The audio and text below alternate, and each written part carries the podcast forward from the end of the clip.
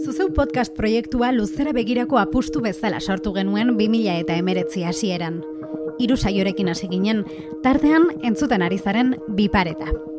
Orain, Euskal Gaizkileak seriarekin lau dira ekoizten ditugun podcastak. Proiektuak entzuleak ditu oinarrian, eta entzuleek babesten dute proiektua bera. Horregatik sortu dugu Patreon horri aldea. Audiogintza zuri esker egiten dugulako. Patreon horri aldean, iru arpidetza mota topatuko dituzu. Aukeratu egokiena iruditzen zaizuna, zuzeu podcast komunitatera batu, eta proiektua babesteko. Sartu patreon.com barra zuzeupot elbidera. patreon.com barra zuzeupot. Eta arpidetu gure edukietara.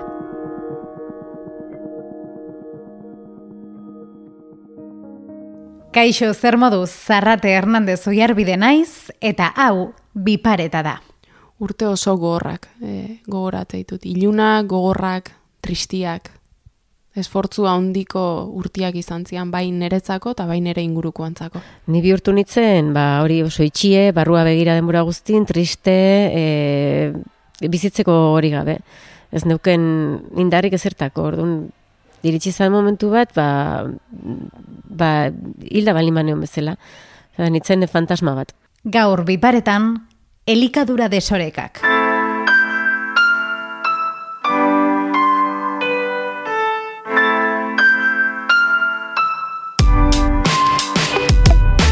Itxaro mendizabar naiz ni, e, behasen jendizean ordiziarra, eta, bueno, ba, bizitzak esperientzi batzuk eman dizkit, eta ba, hortik e, hitz egiten dut azken aldi honetan. Itxaro mendizabal hogei urtez bizitu zen anoreksiaz gaixotuta amabos bat urte zituenetik. Orain berrogei ditu, eta atzean utzi du amez gaiztoa.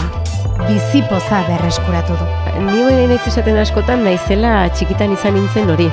Urte askotan egon dana ba, bere arazo eta bere bere naste guztikin bueltaka eta orain berriro ba, bueltatzen nahi naizela izan nintzen hortara, ez? Ba, ba itxaro izatea.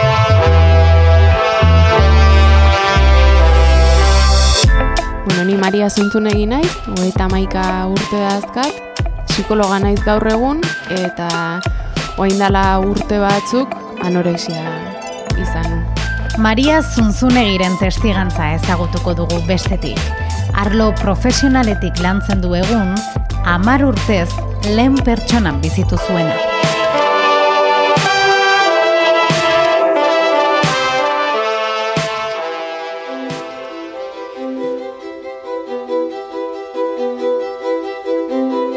Zuk jasotzen duzu e, jendeak eskertzen duela haien egoera berean egon izana. Bai, konsultan asko eskertzea, ez beldurra handia izate du normalian e, adirazteko ze jarrera ditugun, ze gauza egiten ditugun e, gure helburu hori lortzeko ez, e, normalian beldurra, lotxa, sentimentu asko nahazteia. Eta zure aurrian da honak esate izunean lasai kontatu, ze seguruenik nik ere inditut gauza guzti horiek, ba barrera hori hautsi bezala itea. Eta beharrezkoa den konfiantza erabatekoa lortzen du horrela. Sakona. Esperientziei hartatikan erreskatatu aldeten gauza positibo garrantzitsu bat. Bai gaixoekin baita familiarrekin bai. Ze askotan familiarrei kosta egite zaie ulertzia, ez da erresa. Eta zeure ikuspuntu hori adirazte jozunean, e, behin osatuz deala, behin guztia gainditu ezula, e, ba behaiek eskertu ito gurasuak. Zertaz ari gara elikadura desorekak aipatzen ditugunean. Azteko, jakin behar dugu, gaixotasun mentalak direla.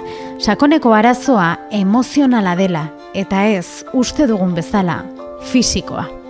Elikadura arazotan pentsatzen du gai dela janai ez izatea edo janarekin dokun harreman hori. E, nik uste ez dela hori. E, benetan nahian arazoa e, potentegoa dela, sakonagoa dela, eta gehiago dela e, pertsona bakoitze bere buruen maitatu edo ez e, izatearen e, ondorio bat, ez? Azkenen, e, nik uste dut elikadura naste bat beste dozein e, arazo bezala dela e, guren buruen matxakatzeko modu bat. Zeuk hartze dituzun jarrera hoiek e, basetik dakana da mentalki ez zaudela ondo. Hau da, arazo bat dao, emozionalki ezin dezuna gestionatu, eta beste bideo bat aurkitzezu, e, ba, alkolikoan kasuan, drogomenpekotasuna dakaen kasuan, bulimiaren kasuan, bigorexiaren kasuan, e, beti da osakoneko arazo bat, Ez horrek bultzatze gaitu bilatzea beste modu batzuk e, gestionatu ahal izateko.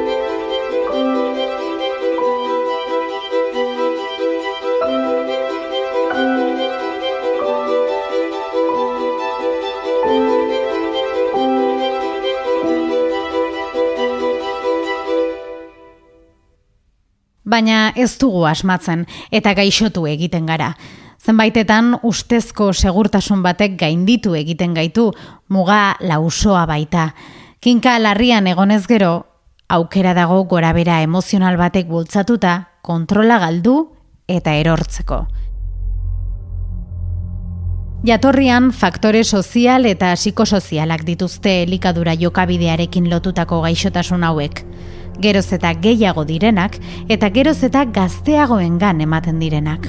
Pautak oso estableziuta daude, oain e, gabonak iritsikoia, gabonak iristeianean e, iragarki guztietan janare, janari asko, e, esango digute normala dala, horrela jatia, auta bestiak. Bizigaren irudiaren gizarteak lotura zuzena du horrekin.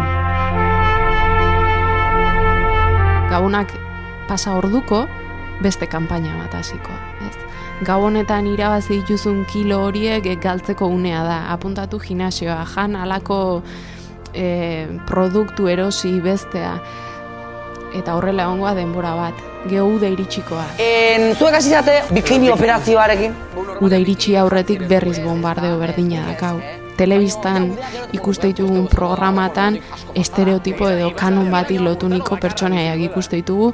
Eta gainea hitzez fomentatzeuenak e, jarrera hori, ez? Ja, jau da, e, egune, erreserba hau pixket botatzen juteko, zeuda badator, eta ja, hasi berdu pixket gorputzet tonifikatzen, eta nik gaur kontan, enere...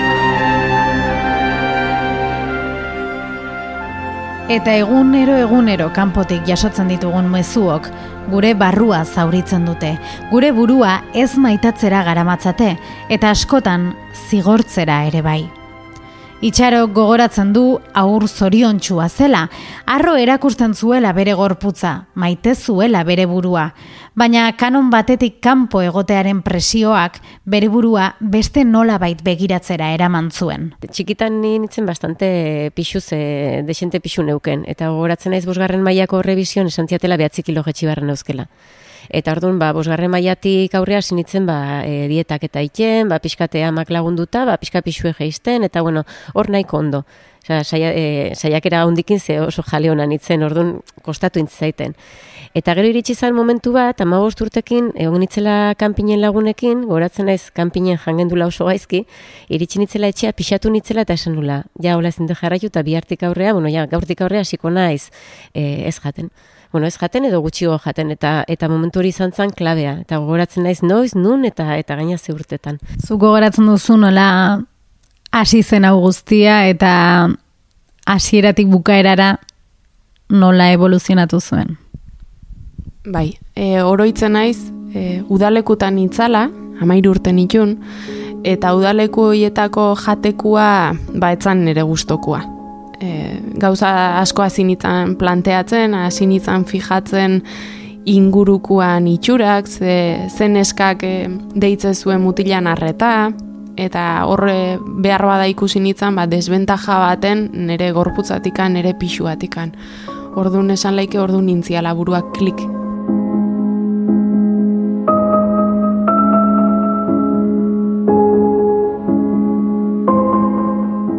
hasi nitzan jatekoa ba, pixkat kontrolatzen, behiratzen, eta hortikan nik ustenun kontrola hartatikan guztiz galtzen junitzen, denpo aurrea juntzan bezala.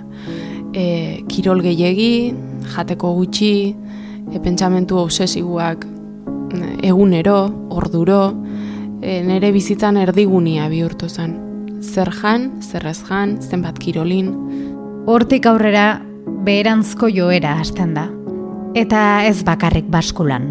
Baina ere kasun izan itzen e, jate jutzi zionoitako bat, ez? Beti eukidaizkezu atrakoiak edo edo lako momentu baino ni normalen hori ba, jatea utzi eta gaina ba, erabat obsesionauta ez jate horrekin, ez? Ba, bai, kalori kontatzen, e, bai, e, altzan e, trampa gehien aiken e, ba, ebitatzeko jatordu guzti horiek, eta eta pixue geiste hori, ez? Ba, ez ezunen jaten eta pixue geisten hasten zeanen, obsesioa bihurtzen da e, zure gorputze e, iken diozun min hori. Ni beti esan izan dut nire helburua izaten zala beti desagertzea. Eta, eta hori izan, azkenen gerozta gutxigo izan ez, ba, ba nire buru zigortuz, ba, e, nik usten den nire helburua izango zala e, eriotzaraino, ez, ba, ba txiki, txikitasun hortan bukatzea.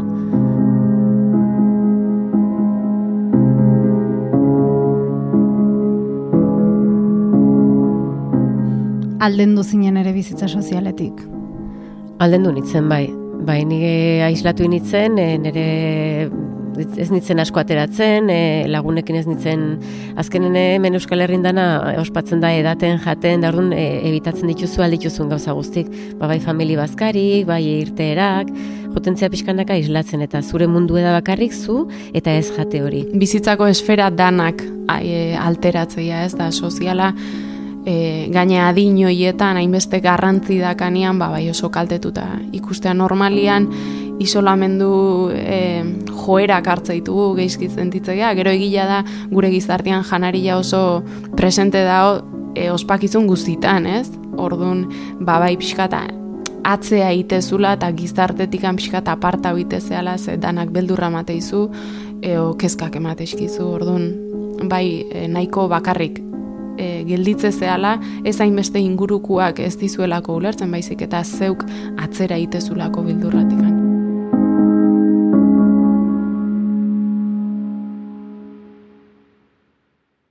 Garai hartan, konstiente zinen hortaz. Esan dut, geroz eta txikiago egin nahi hortaz, edo gerora ikusi duzun zerbait da? Gaizki zaudenen konstientezia zer pasatzen zaizun baino e, etzea gai buelta emateko. Naiztazuke ikusi gaizki zaudela, gaizki aiziala edo bide txarretizu atzela eta saiatu horri buelta ematen ezin dezu hori oso gaizki zaudenen. Egie da gero, iristen dela momentu, bueno, nahi gertatu zitzaiten, e, nahiko estankatuta edo nitzela momentu baten ez oso pixu baju, baino bai pixu baju baten, eta orduan ez nitzen bat ere kostiente, ez neonik ondo. Orduan, gero ja ondo jarri nitzenen, kontuatu nitzen zenbat urte pasatu nitun, e, zera, soka mutur hortan ez, ez alde bateaz bestia, baino berez e, gaizki, gaizki onda. Gaixotasuna muturreko egoeretatik kanpo ere hor dago. Laguntza eskatzea ez da erraza izaten, ez da ematea ere. Azken finean, prozesua bera da zaila, baina merezi du.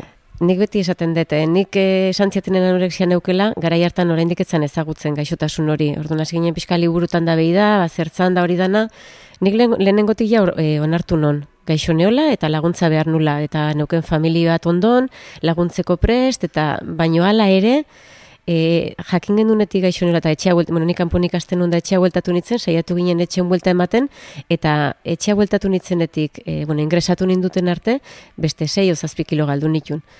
Ja, garrantzitsua da ingurua, baino oso zaie da, naiztazuk e, hortik atera nahi izan, e, ez da nola esplikatu, e, laguntza hori onartzea. Orduan, e, familintzako da oso oso gogorra. Oso da, ze gaixok esate izu baietz, sendatu nahi dola, baina gero ikusten duzu trampak egiten ditula ez sendatzeko. Eta konfliktu asko sortzen da hor famili, famili barrun. Tala usan punto bat nik eh, laguntza eskatu nuna, etxian, esan nun ezin dut gehiago labizi. Triste neon, geizki sentitzen nitzan, eta ba, gurasuak eskusa balik hartu ziren, eta lanian hasi ginen lanian hasi ginean etzan izan e, bide erresa, etzan izan bide bat e, gora bera igabekoak, hiru ingreso izan itun, amar urte horietan, beharrezkoak, irurak, e, ez bernun apoio bat, ez dinun nik bakarrik eta gurasuak eta familiak eia ezin zuen sostenio egoera. Tratamenduan zehar, hainbat profesionalek hartzen dute parte. Elikadurak hartu ohi duen zentralitatearekin hautsi eta dagokion tokia berreskuratzen laguntzeko. Ala nola, nutrizionista, endokrino, mediku, psikologo edota psikiatrek. Poliki-poliki, junitzan e, kontziente izaten zeintzan ere arazua, nola pentsatzen nun, ze gauza aldatzen jun bernun, eta ba, zorionez amar urten ostian, e, irten itzan, zulo hortatik.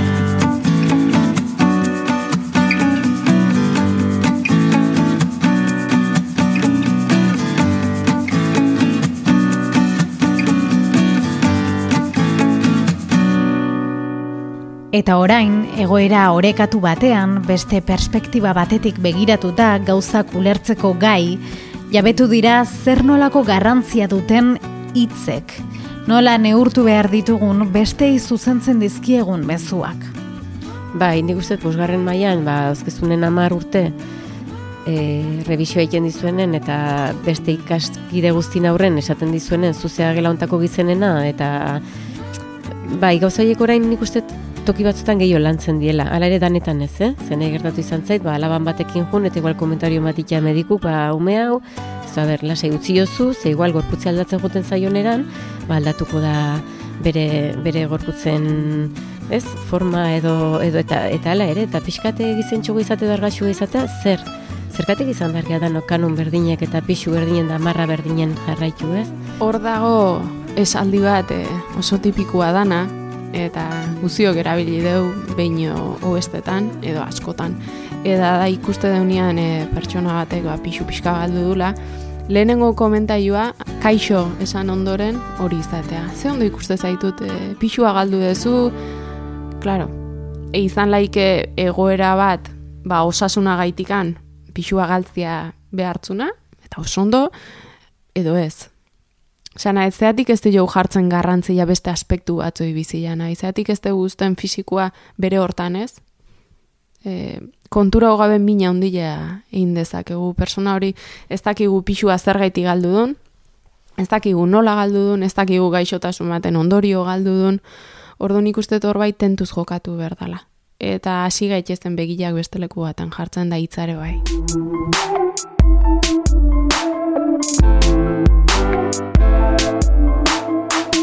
Bueno,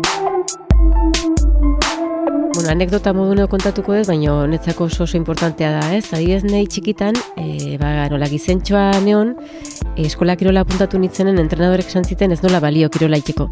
Eta jote manitzen futbolea jolastea jarriko nindula edo defensa edo portera, ba, baloiak neregan rebota hoiten zutelako. Ordu nik hortik jaso non informazioa izan zen, e, itxaro zuk ez dezu kirola itxeko balio.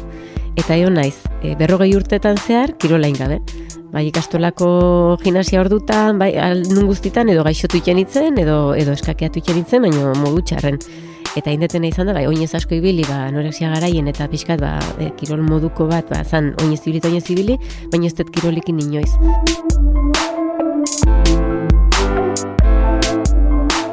Eta goen berrogei urtekin, ba, postu bat medio, hasi nintzen e, behobia bat prestatzen.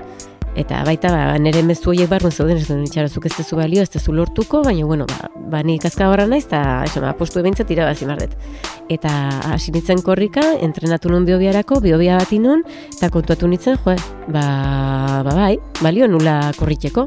Igual ez tirabaziko karreran bat, baina, bueno, ba, korrika guztu ebiltzen naiz, eta gai naiz, gai naiz, eta gainera gustora sentitzen naiz. Eta, de hecho, e, pasatu nahi zuen, hasi nintzen errepiden, ba, indet mendiko maratoi bat indeta urten, eta bai bi urtetan ba mendit mendina naiz korrika eta ikusi dut ba beintzet hortako balio detela. Bere buruarengan konfiantza ez edukitzera bultzatzeaz gain, haurtzaroan jasotako burla zein mezuen ondorioz, bere burua egoera txar guztien erantzule sentitu du itxarok urte luzez. Gurasok ere istripu zizkite, baina istripurin nire kulpa izan da duela gutxi arte.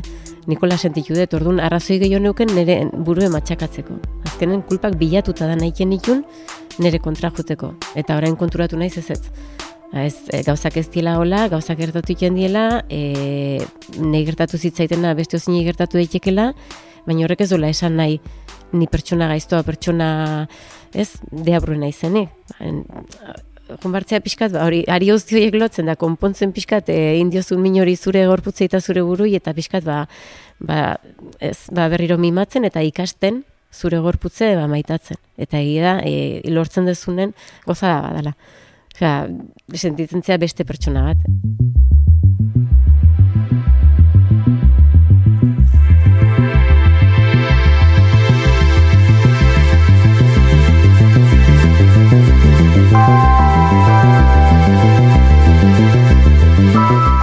Gaur egun ama dira biak eta presente dute gaia noski.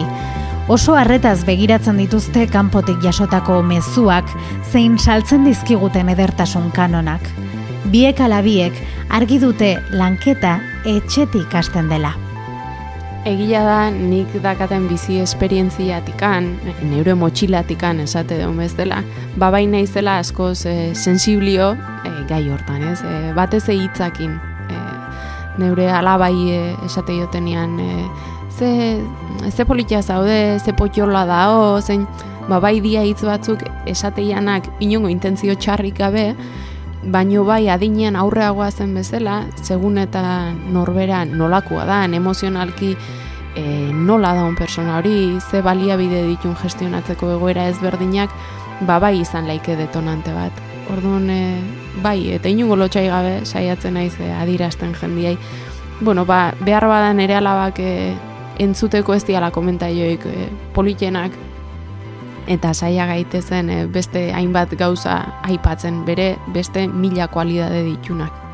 Ikuste horri inberteula indarra.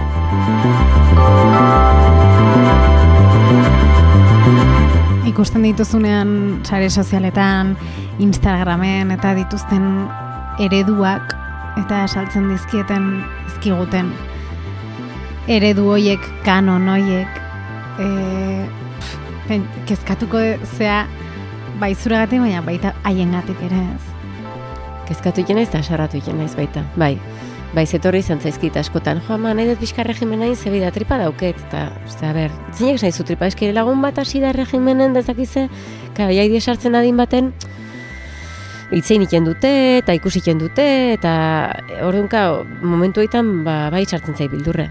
Baina nik asko hitz diet. Asko hitz diet zer pasatu non, zergatik pasatu non, bueno, zergatik ikusten duten pasatu nula, e, noaino iritsi nitzen, ze kalte indezaken, orduan, bueno, ez dut esaten ez dienik eroiko, baina badakite behintzet, e, ez ala broma. Ez ala broma, ba, ba jolasten hartzea, ba, gaur ez dut jango, edo gaur e, regimen batekin hasiko naiz, kontroli gabeko oitakon bat. Saiatzen gea, ba, hori, ba, elikadura osasuntxu zer dan esplikatzen, saiatzen gea kirola inberdutela azaltzen, baino hori ba eredu ematen eta etxoenin behar, a ber, nolako. Eta pertsona bezala indartzen, ez? Hori delako zakit oinarria. Bai, azkenen saiatzen gana da, hori adimen emozionala lantzen beraiekin, e, eta, eta autoestima on hori, ez? Ba, pixkat, e, ba, forma ematen, ez da erresa. Azkenen guk nola guri ez diguten erakutsi guraso bezala hori autoestima bat lantzen edo autokontzeptu bat ukitzen, zu gero zure ume transmititu behar diezuzuk sentitzen dezuna. Orduan lanketa gurea da lehenengo, eta gero saiatzen zea beraiei pixkat ba hortik bideratzen. Horretarako sortu zuen itxarok txiklik izeneko elkargunea, guraso eta ezitzaileentzako baliabide zentroa. Adimen emozionala, txikitatik landu alizateko. Gaur egun e, pertsona oso gaztiak e, iristeia konsulta gehien bat eta egoera larria izatea.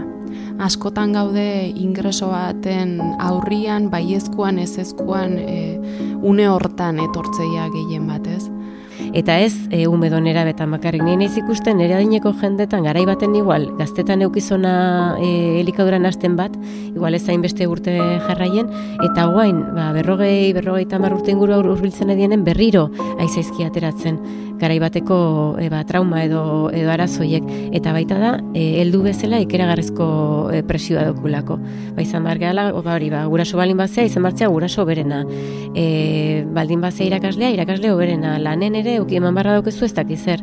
Eta eta horrekin lortzen dana da ba, betiko ba, gure kontra jutez ez teu lortzen. Existitzen ez da perfekzio hori. Egia da garai baten soilik emakumezkoak e, ikuste ziala.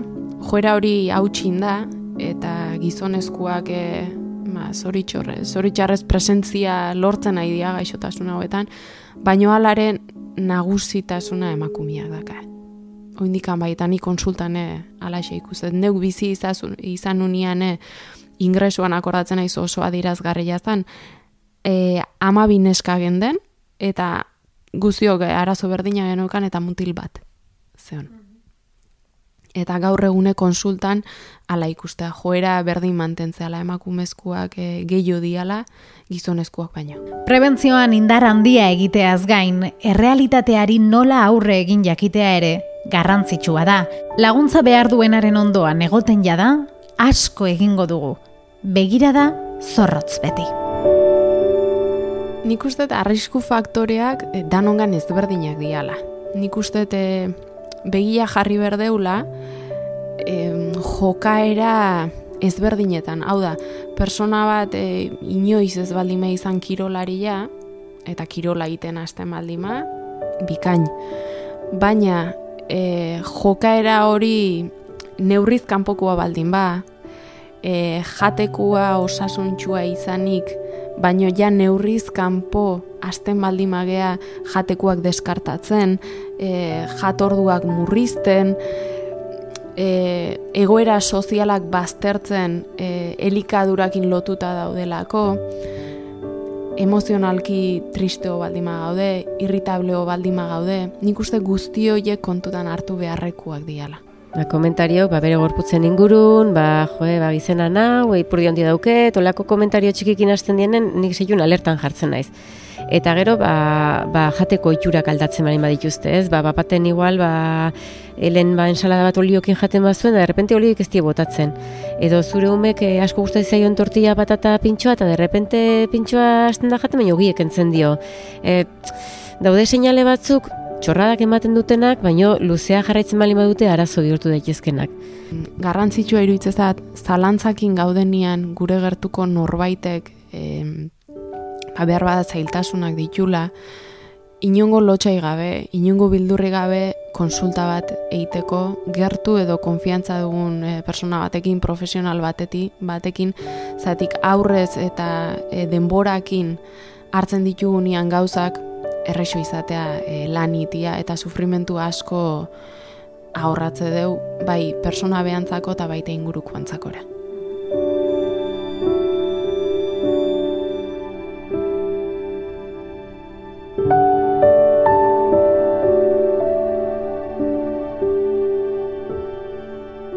Gaur egun nola begiratzen diozu janariari?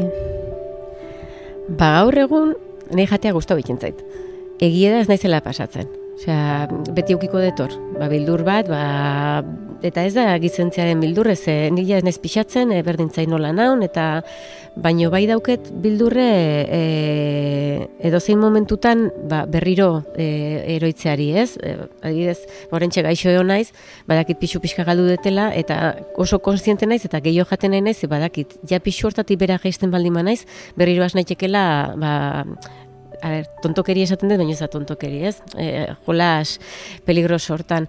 Orduan oso kontziente naiz, nik beti hor dauketela eta nire puntu de bile hori izango dela. Janarekin dauketen harremana da, ba, hori batzutan bai forzatzen den nire buru jatea, eta beste askotan gustatuko zaiten jatea gauza gehiago, baina bai da, oendik ba, muga batzuk ere badauzket.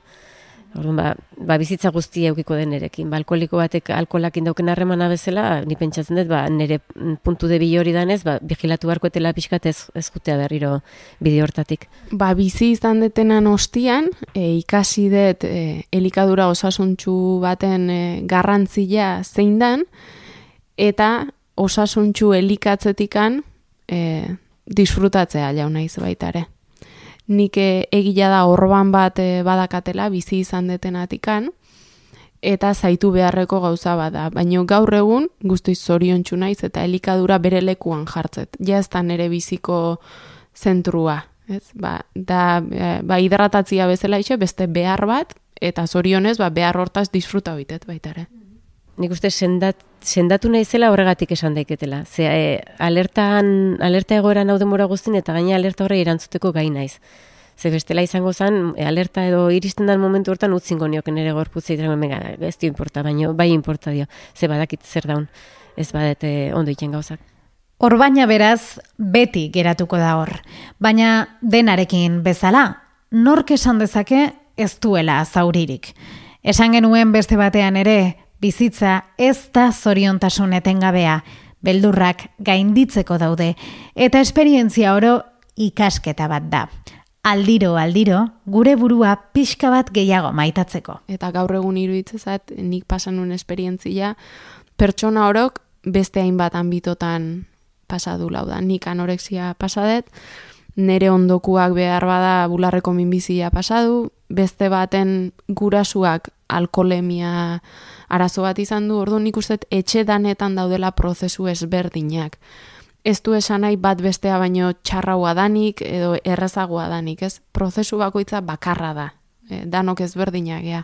Ordu nik uste bildurra galdu berdeula esateko, bueno, nik hau bizi izan dut, eta zer.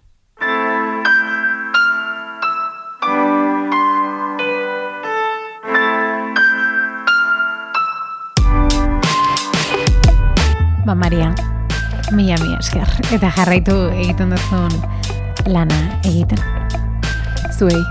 Itxaro, jarrai dezazuela horrela irribarrez, luzaroan, eta mila mila esker. Zuri eskerrik asko aukera emateagatik. Eta eskerrik asko zuri ere entzule, lehen aldiz edo astero, bipareta entzuteagatik. Besarka da estu-estu bat, eta datorren astera arte.